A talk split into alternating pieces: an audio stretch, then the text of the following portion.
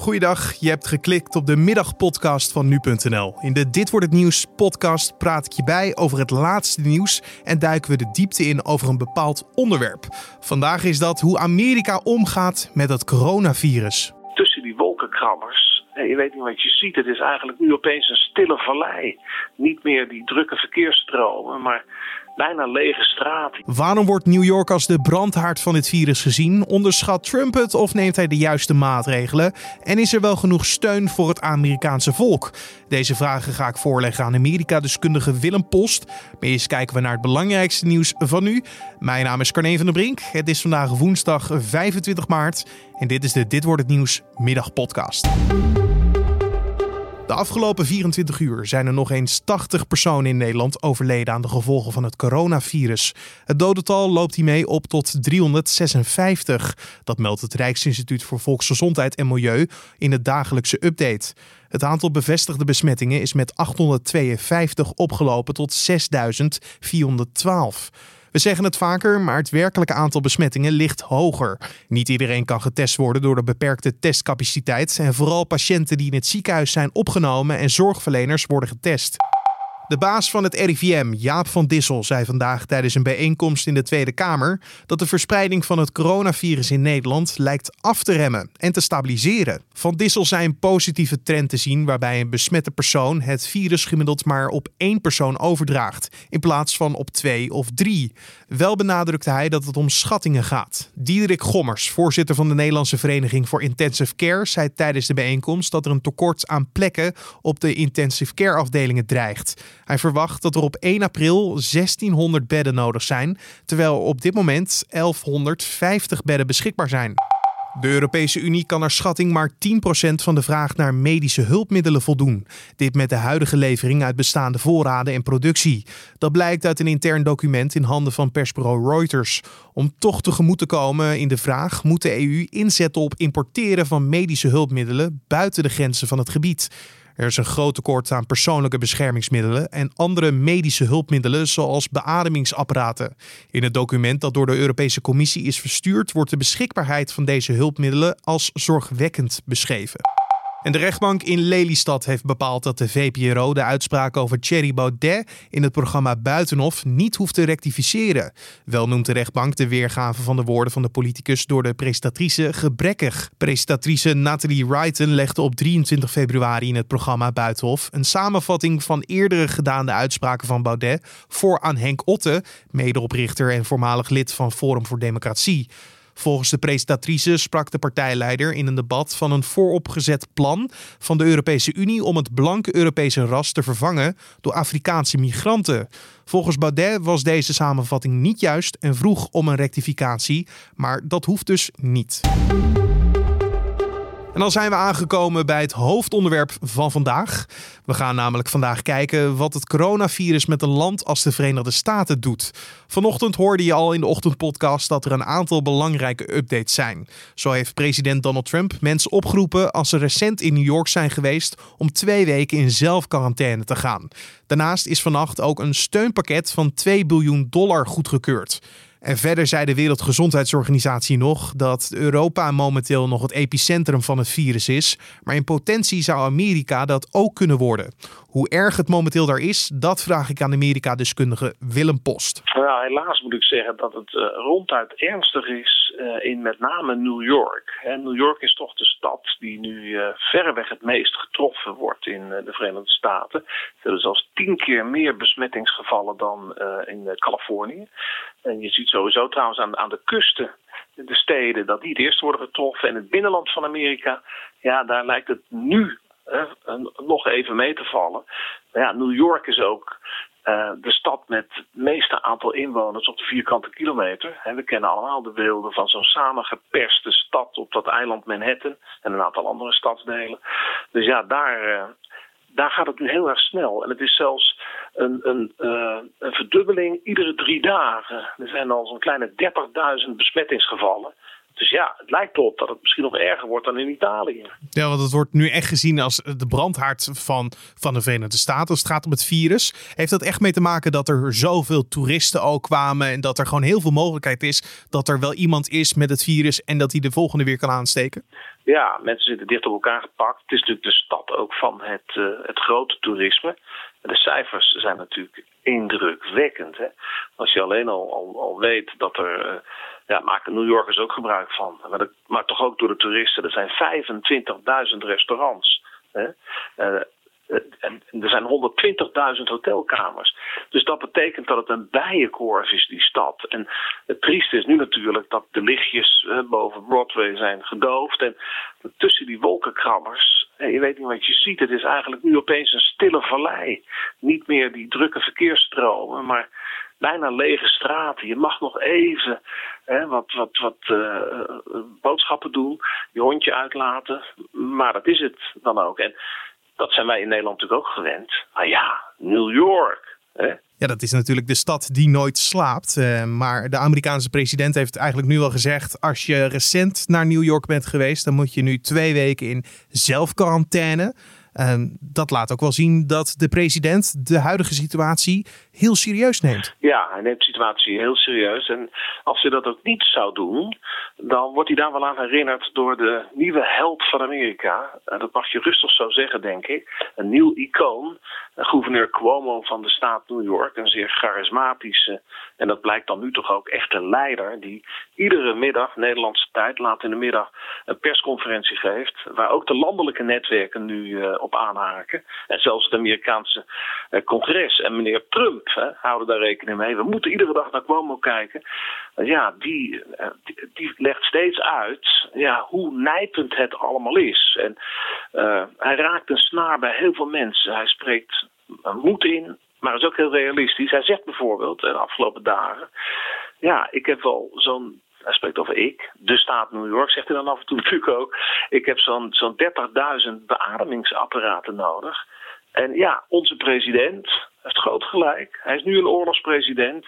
Maar handel er dan ook naar. Hè? En stuur dan die, die beademingsapparaten eerst naar ons toe. Wat heb ik aan 400 van die dingen? Ik heb er 30.000 nodig. Moet ik tegen mensen zeggen: de een gaat dood en de ander niet? Dat wil ik niet in zo'n situatie komen met mijn mensen. Dus aan de ene kant paait hij Trump hè, zo af en toe. En aan de andere kant zegt hij: Kom op, Mr. President, uh, handel hè, naar dat je, dat je oorlogspresident bent. Want eerst zijn wij aan de beurt. Tuurlijk moet je ook aan anderen denken. Maar wat hier gebeurt, dat gebeurt over een aantal weken in, in Chicago en in Los Angeles en die andere dichtbevolkte steden. Dus nou ja, hij duidt op de ernst van de zaak in New York en de cijfers, ja, die wijzen daar ook op. Ja, want we zeggen nu dat Trump het heel serieus neemt, de huidige situatie in het virus. Alleen hiervoor zeiden heel veel mensen, hij onderschat het. Ja, weet je, feiten zijn feiten. En we hebben allemaal gezien uh, op onze televisies, op onze beeldschermen, dat uh, president Trump tot voor kort nog hand, handjes schuddend en, en, op de schouder slaand door het leven trok. En, en ook een week of twee geleden nog zei van, nou ja, de griep, hè, dat eist ook een heleboel slachtoffers. En, en ja, dit gaat in april wel over, hè, als het weer ook wat beter wordt. Ja, dat zegt president Trump niet. Hij zegt wel, hij heeft ook wel een punt. Nou ja, ik heb wel in een vroeg stadium hè, het, het, vliegverkeer stilgelegd uh, van en naar China en ook Europa. Hè. Dus het zijn plussen en minnen. Maar het is toch wel een beetje apart dat Trump zich ook als een soort van dokter gedraagt. En die bijvoorbeeld ook zegt: 12 april, eerste paasdag. Ja, dat zou toch eigenlijk een goed moment zijn om de Amerikaanse economie weer uh, een beetje te gaan laten draaien. Maar dat is toch ongekend? Je kan niet nu al zeggen, nou over ruim twee weken uh, kunnen we het land weer volledig openzetten. Nou ja, dat zegt nu natuurlijk uh, de gemiddelde journalist tegen Trump. En die zegt dan, dat is dan de laatste opmerking van Trump geweest. Nou ja, I thought it was a beautiful time hè, om eerste paasdag te noemen, zo'n zo'n soort van niemendalletje van, nou ja, ja, ik zeg de Pasen, joh, dat is een mooie dag om toch eh, weer met de economie te beginnen. Maar ja, dit is dit is wel wat anders dan de alledaagse politiek en campagnes voor het presidentschap. Dit is natuurlijk letterlijk bloedserieus. Dus die datum van 12 april, ja, dat is natuurlijk, dat is natuurlijk iets wat niet haalbaar is. De piek in New York moet nog komen. Nou, laat staan al die andere regio's in Amerika. Ja, hij heeft natuurlijk wel een punt als hij het heeft over ja, we moeten wel gaan nadenken om die economie weer een beetje op gang te brengen. Maar dan toch niet 12 april. Ja, want er is nu een steunpakket goedgekeurd van ruim 2 biljoen dollar. Waar gaat dat geld vooral voor gebruikt worden? Ja, nou in de eerste plaats, het is echt heel veel geld. Hè? En, uh, en eindelijk democraten en republikeinen, en uh, president Trump heeft zich natuurlijk ook via zijn minister van Financiën ermee bemoeid. Uh, eindelijk, eindelijk, nou een flink deel hè, van die zeg maar even 2000 miljard dollar, 500 miljard daarvan gaat naar het bedrijfsleven. En iets van 130 miljard gaat naar ziekenhuizen. En de individuele burger, uh, mits je niet al te veel geld verdient, hè, krijgt zo'n 1200 dollar cash, zeg maar. Als je werkloos bent, uh, dan krijg je 600 dollar per week uh, de komende vier maanden. Per week, hè? Dus dat is, nou ja, dat is toch allemaal wel substantieel.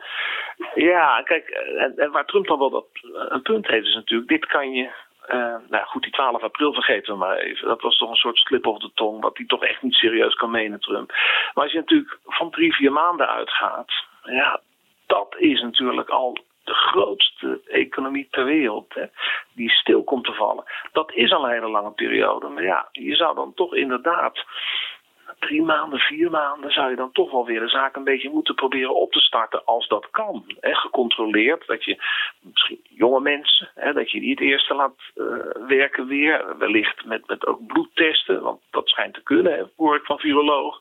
Dat je kan, kan zien van, nou ja, je hebt dat virus gehad en, en dan en heel veel jonge mensen schijnen er dan weinig van te merken. Niet iedereen, maar toch wel veel. Nou ja, dan zou je langzamerhand die economie kunnen opstarten. Want ja, je kunt inderdaad wel zeggen, ook dat gaat veel slachtoffers uh, vergen als je, of, uh, als, als je weer teruggaat naar de jaren 30, naar een soort van depressie, waardoor miljoenen, miljoenen mensen, misschien wel 20 à 30 procent van de Amerikaanse beroepsbevolking zijn de schattingen, hè, die werkloos worden. Nou ja, dus het is balanceren tussen het een en het ander. Ja, want is het nog een extra uitdaging en een extra gevaar dat heel veel Amerikanen geen gezondheidsverzekering hebben? Ja, dat is natuurlijk rampzalig. Het punt is dat je wel door de eerste hulp wordt opgevangen, maar dat is allemaal overbelast nu.